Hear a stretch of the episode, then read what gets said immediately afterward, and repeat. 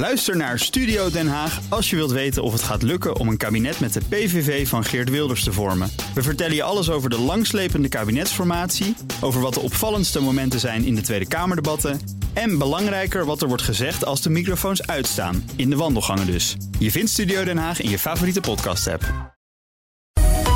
Beleggerspanel. Shell overweegt Texaanse oliebezit van de hand te doen... en de ECB onderzoekt mogelijkheden voor een eigen cryptovaluta. Dat en meer bespreek ik in het beleggerspanel... met Reinder Wietsma van IBS Capital Management... en Corné van Zel van Actiam. Welkom, heren. Laten wij beginnen met jullie laatste transactie. Corné, vertel het ons. Ja, een privétransactie. Ik heb mijn aandelen Hunter Douglas uh, verkocht. Uh, nou, er was een bod, de bod werd verhoogd. Uh, en ik had zoveel aandelen dat ik denk van... het is leuk dat het zo allemaal verhoogd wordt... maar ik zie meneer Zonneberg nog niet echt in, actie komen verder... na het verhoogde bod. en dat doet hij dus ook niet. Het aandeel is veel meer waard, maar ik denk, ik zag voorlopig eventjes uh, geen verdere potentie meer. Dus ik heb uh, de winst van tafel gehad. Het gaat over zonwering, hè? Ik geloof daarom. Lu de Luxeflex uh, ja, maken ze. Daar zijn ze uitermate succesvol in. En meneer Zonnenberg heeft al het grootste gedeelte van de aandelen. en en die, ja, die wil niet de hoofdprijs bieden. want het aandeel is veel meer waard. Maar goed, dat, de, niet, de vraag is niet wat het waard is. De vraag is wat je ervoor gaat krijgen. Nou, ik dacht nog even, ik kom erop terug, omdat ik. Het klopt ook. Fabrikanten van zonwering kunnen vraag amper bijhouden. Oh, dat dan nog een factor van betekenis? Nee, natuurlijk. Maar het gaat ook heel erg goed. En meneer Zonneberg heeft dat eerste bod uh, gelanceerd... op het moment dat het uh, eigenlijk vrij slecht ging met de economie. Vorig jaar dus wat dat betreft uitermate goede timing. Maar ja, zo'n proces dat loopt enige tijd. Uh, en dat, ja, heel simpel. Het gaat ontzettend goed met het bedrijf. Wordt ook heel goed geleid, daarom ben ik er ook uh, ingestapt. Alleen, uh, ja, de vraag is niet wat het waard is. De vraag is wat je ervoor krijgt. De eerste wijsheid is alweer over tafel gegaan in dit panel. En we zijn pas net begonnen. Reinder, wat is eh, jouw laatste transactie? Ja, nou, bij hebben we een portefeuille met 30 aandelen. We doen niet zo heel veel. Uh, we zijn nu alleen bezig met een transactie, dus die kom ik de volgende keer dan uh, toelichten. Uh, zelf, privé, heb ik een aandeel in onze portefeuille ook bijgekocht. En dat is Constellation Software. Um, nou, Constellation betekent een soort sterrenbeeld, maar dan met software. En dat is een bedrijf uit Canada. Dat is al een tijdje bezig. Maar dat koopt heel veel kleine softwarebedrijfjes op. En ze hebben nu een heel sterrenbeeld aan kleine bedrijfjes in de software. Kralenrijgen. Uh, bedrijf is 40 eh, miljard dollar waard, 5 miljard in omzet. En uh, nou ja, groeit heel hard omdat ze heel veel verschillende business units hebben... die allemaal eigenlijk op weekbasis tegenwoordig uh, andere bedrijven erbij kopen. Maar wanneer is autonome groei belangrijk... en wanneer is het uh, toch ook heel gerust als dat via allerlei overnames gebeurt? Nou, het kan, kan tweede, vanuit twee... Uh, takken van sport. En deze is het heel gedecentraliseerd. En al die kleine ondernemingen hebben zelf heel veel autonomie om eigenlijk er echt groei bij te kopen.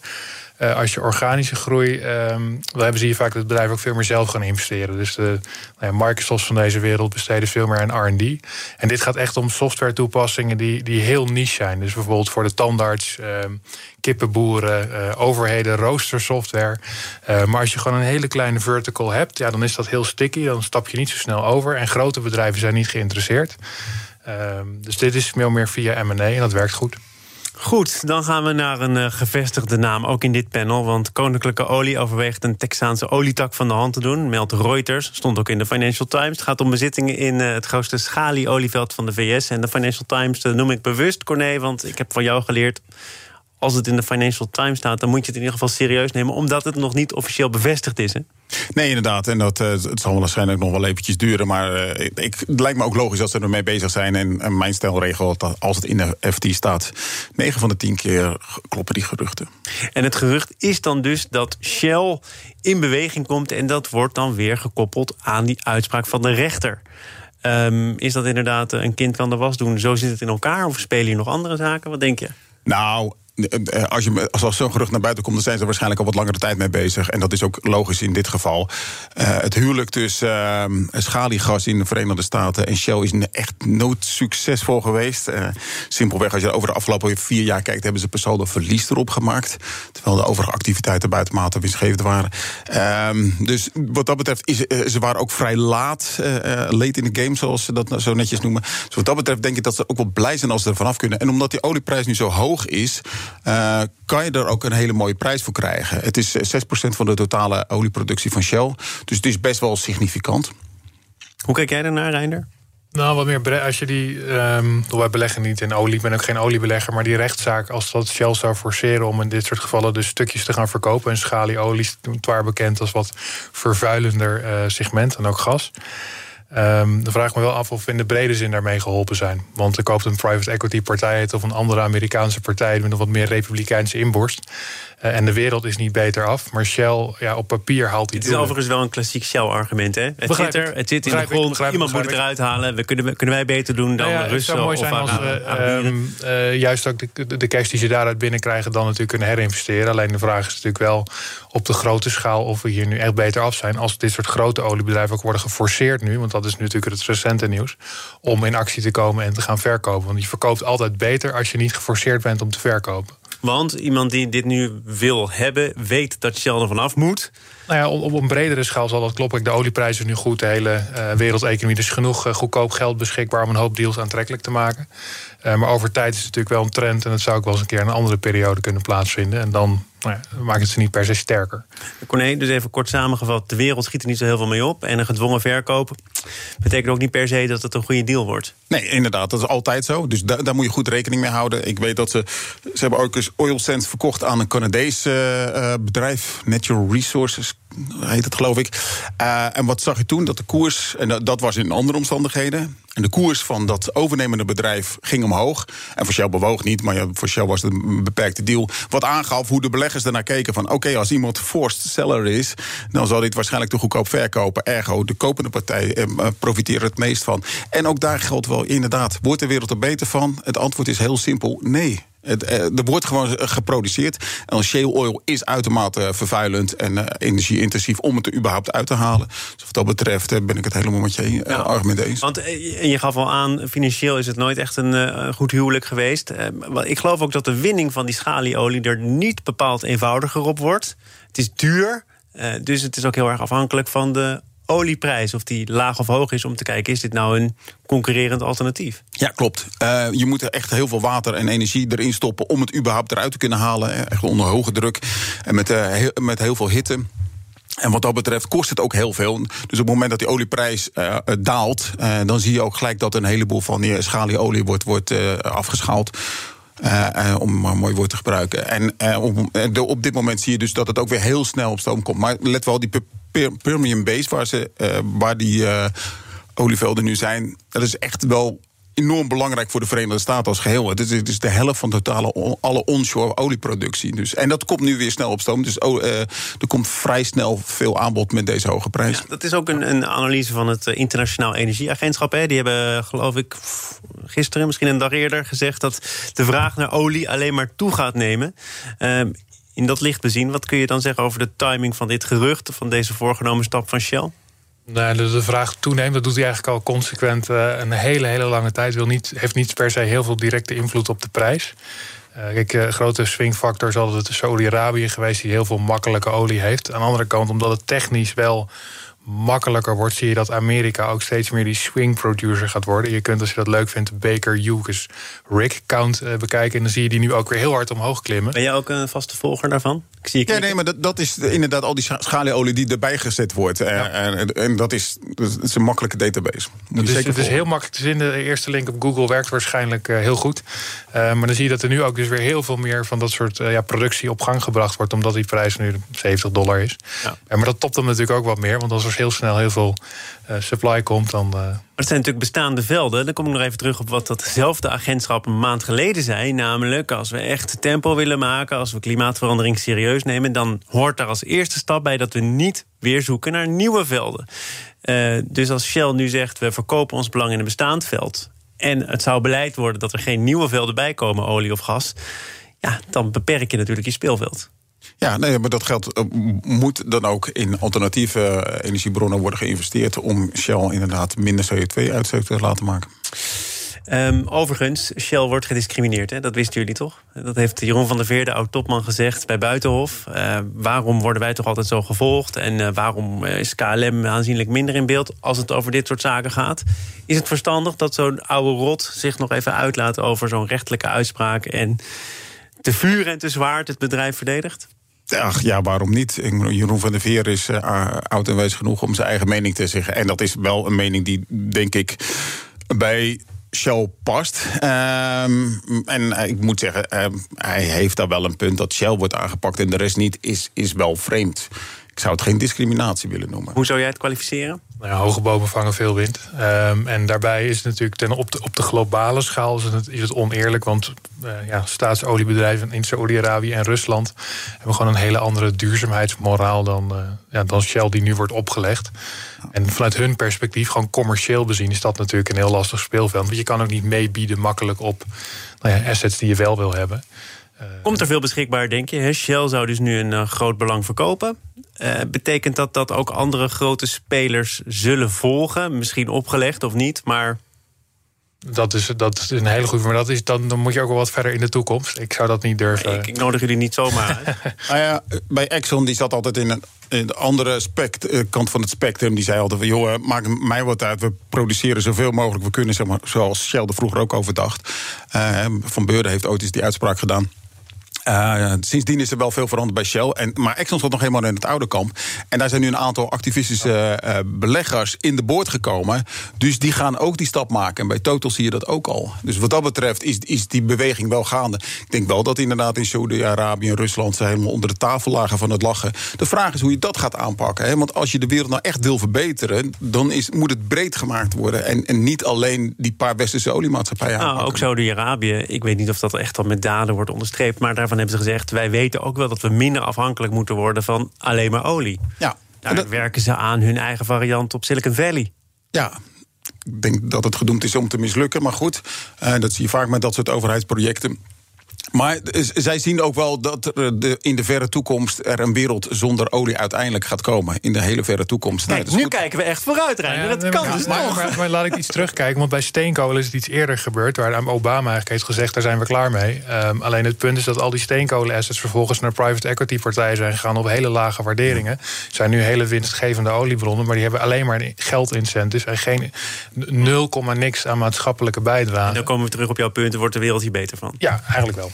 Dat was een heel goed punt ook. Ja, dat, was een, dat mag nog een keer benadrukt worden. Die vraag moet je altijd bij het begin stellen. Bij het begin en niet helemaal aan het eind als alle beslissingen en uitspraken al gedaan zijn. We zijn nu in het midden van dit panel. Ergens tussen beiden. Een ander onderwerp dus. Zaken doen.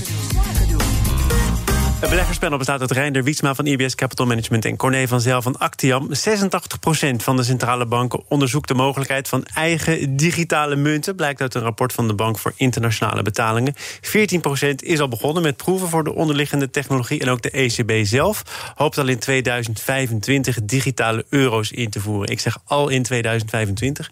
Is dit technisch gezien een heel erg ingewikkelde operatie, Corné? Poeh, ik probeer me altijd zo ver mogelijk van de techniek te houden. Omdat dat eigenlijk, als het over geld gaat, niet zoveel te zaken doet. Okay, het, het, gaat om beleid. Het gaat om beleid, het gaat om het vertrouwen wat ja. mensen erin hebben. Um, even gevraagd, wordt, gaat bitcoin de euro vervangen? Doet niet de zaken. Gaan we er vertrouwen in hebben of niet? En als vertrouwen in de euro wegvalt, is bitcoin wellicht een alternatief. Maar je ziet het al in China gebeuren. En ja, voor China is het helemaal ideaal natuurlijk. Want die hebben dan de ultieme macht over al hun onderdanen. Eh, hè, want wie het geld bezit, bezit de macht. En als jij dus kan beslissen wat er met dat geld gebeurt van al jouw onderdanen. Hè, op het moment dat je je niet helemaal goed gedraagt, ben je opeens je geld kwijt. Uh, als, dit, als dit het visioen is dat jij schetst, dan moeten we met z'n allen nu meteen in het verzet komen natuurlijk. Ja, nou ja, dat is het risico. Ik heb volledig vertrouwen in die digitale euro, omdat ik volledig vertrouwen in de ECB heb. Uh, alleen, dat zijn wel de risico's. Op het moment dat je dus een autocraat uh, uh, krijgt, gelukkig is de ECB van veel landen. Maar goed, op het moment dat je een autocratisch regime krijgt, kan je daar veel meer dingen mee doen. Ik moet, ik, een digitale Turkse lira of zo. Ik zou er niet op moeten denken als Turk. want je, je, bent je legt je alles, je hele hebben en houden in handen van, van de regering die jij wel of niet vertrouwt. Reinder, deze euro, mm -hmm. wat gaan wij daar zelf van merken? Praktisch gezien bijzonder weinig. Want net als je nu gewoon een bankier-app kan hebben, heb je dan een M-wallet met uh, cryptovaluta. Het is natuurlijk wel zo dat het programmeerbaar geld wordt. Dus je kunt er ook nou ja, bijvoorbeeld een tijdslimiet op zetten. Dat is geopperd ergens. Wordt natuurlijk sneller gezegd dat gaan we niet doen. Maar je kunt ermee gaan programmeren. Dus bijvoorbeeld je moet ze binnen een x-periode uitgeven. Ja, anders waarmee je de, de, economie kunt sturen natuurlijk. Exact, en je, kunt je krijgt heel veel meer controle. En, en spelen met limieten, met uh, percentages. Uh. Nou ja, het is schier oneindig. En dat is ook het leuke en het fascinerende eraan. Uh, en, en als de centrale banken het niet gaan doen, gaan commerciële partijen het doen. Facebook heeft nu met de Libra, de DM en andere ja, het op grote schaal willen doen. Ja, die Libra is mislukt. Dat is mislukt, maar het, nog, nog steeds, het staat natuurlijk, het klopt aan de deur. En de PayPal's, de Squares hebben het ook in hun wallets gestopt, maar dan met de traditionele crypto's. Uh, kijk, als je het de markt overlaat, dan komen er vanzelf uh, interessante alternatieven. En het is alleen maar goed dat ze dit doen. Alleen ja, geld blijft wel geld. En wat is er zo goed aan dan? Want Corné schetst het beeld van een controle uh, waar je nog weer meer grip op hebt. Maar voor de ECB moeten toch ook andere motieven een rol spelen, denk ik. Uh, laat ik zeggen, als je het niet doet, dan word je op een gegeven moment vanzelf ingehaald door de tijd. En uh, als andere landen het doen, dus China uh, een, een, digitale munt introduceert die in de hele wereld goed te gebruiken is, is het ook goed om een digitale dollar te hebben en een digitale euro en gewoon met de tijd mee te gaan.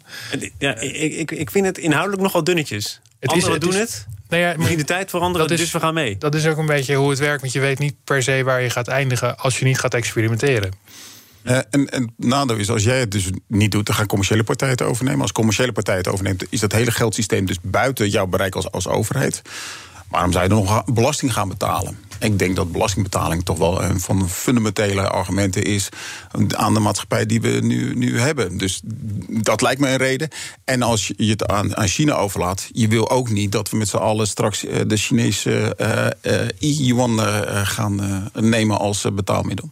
Hoe moeten commerciële partijen, laten we zeggen, commerciële banken op de eerste plaats hier, hierop reageren? Want eh, er wordt ook wel gezegd van, nou, dan kunnen particulieren of bedrijven een rekening beginnen bij de ECB. Um, ehm, een ECB die niet failliet kan, bijvoorbeeld om maar een klein verschil te noemen. Uh, betekent dat dat ook voor banken een ongelijk speelveld oplevert? Ja, tuurlijk. Want het is, veel, uh, het is gegarandeerd en je, zit, je hoeft geen kosten te betalen aan al die banken. Daarom hebben de, heeft de ECB ook laten doorschemeren dat het een beperkt bedrag is wat je in eerste instantie kan gaan doen. En ze zitten hier en daar hoor je geluiden van 3000 euro max. Of dat gaat werken of niet is een tweede. Maar, want het hele betalingsverkeer is een, is een uh, ja, winstbron voor al die banken. En, en die neem je daarmee weg. En want waarom zou je nog een betaalrekening bij een, bij een commerciële bank aanhouden? Komen, komen überhaupt nog wel wat meer complicaties overheen. Want als iedereen zomaar bankrekeningen kan openen bij de centrale bank, moet die eigen een commerciële rol innemen. Want dan moet je know your customer, moet je allerlei processen door voor je zo'n rekeningetje hebt. Nou, voordat je daar bent, uh, is, wordt dat waarschijnlijk weer geoutsourced aan commerciële partijen. Dus het wordt toch wel 2000. het, gaat, het gaat wel om dat ze, kijk, ze infrastructuur kunnen ze leggen, zij kunnen het creëren, ze kunnen het maken. Maar vervolgens zal er natuurlijk net als in de echte economie een hoop uh, tussenstapjes in zitten voordat het uh, op je telefoon staat en er echt wat mee kan. De echte economie, daar komen wij in dit panel niet meer aan toe. Want tot slot, de Amerikaanse beurstoezichthouder SEC wil scherpere regels voor brokers die zonder transactiekosten werken. Dat heeft de voorzitter van de waakhond, Gary Gensler, aangekondigd. En er worden meteen de namen van Citadel en Virtu genoemd. Partijen die brokers betalen om orders aan te leveren. Wat betekent dat concreet? Kun je, kun je de situatie even schetsen, Corné? Nou, de situatie is dat jij gratis je orders kan doen en uh, dat wordt betaald. Hè. Je moet altijd ergens geld verdienen met het verkopen van die orderstromen aan dat soort grote partijen die bereid zijn om daar goed geld voor te betalen. En dat is het, uh, ja, het verdienmodel van de Robin Hoods van deze wereld, die dat soort gratis diensten aanbieden. Um, ja, ik, ik kan me voorstellen dat je denkt van oké, het is dus onzichtbaar. Je weet niet wat je betaalt als klant. Het lijkt gratis, maar dat is het niet. Niets in de wereld is gratis.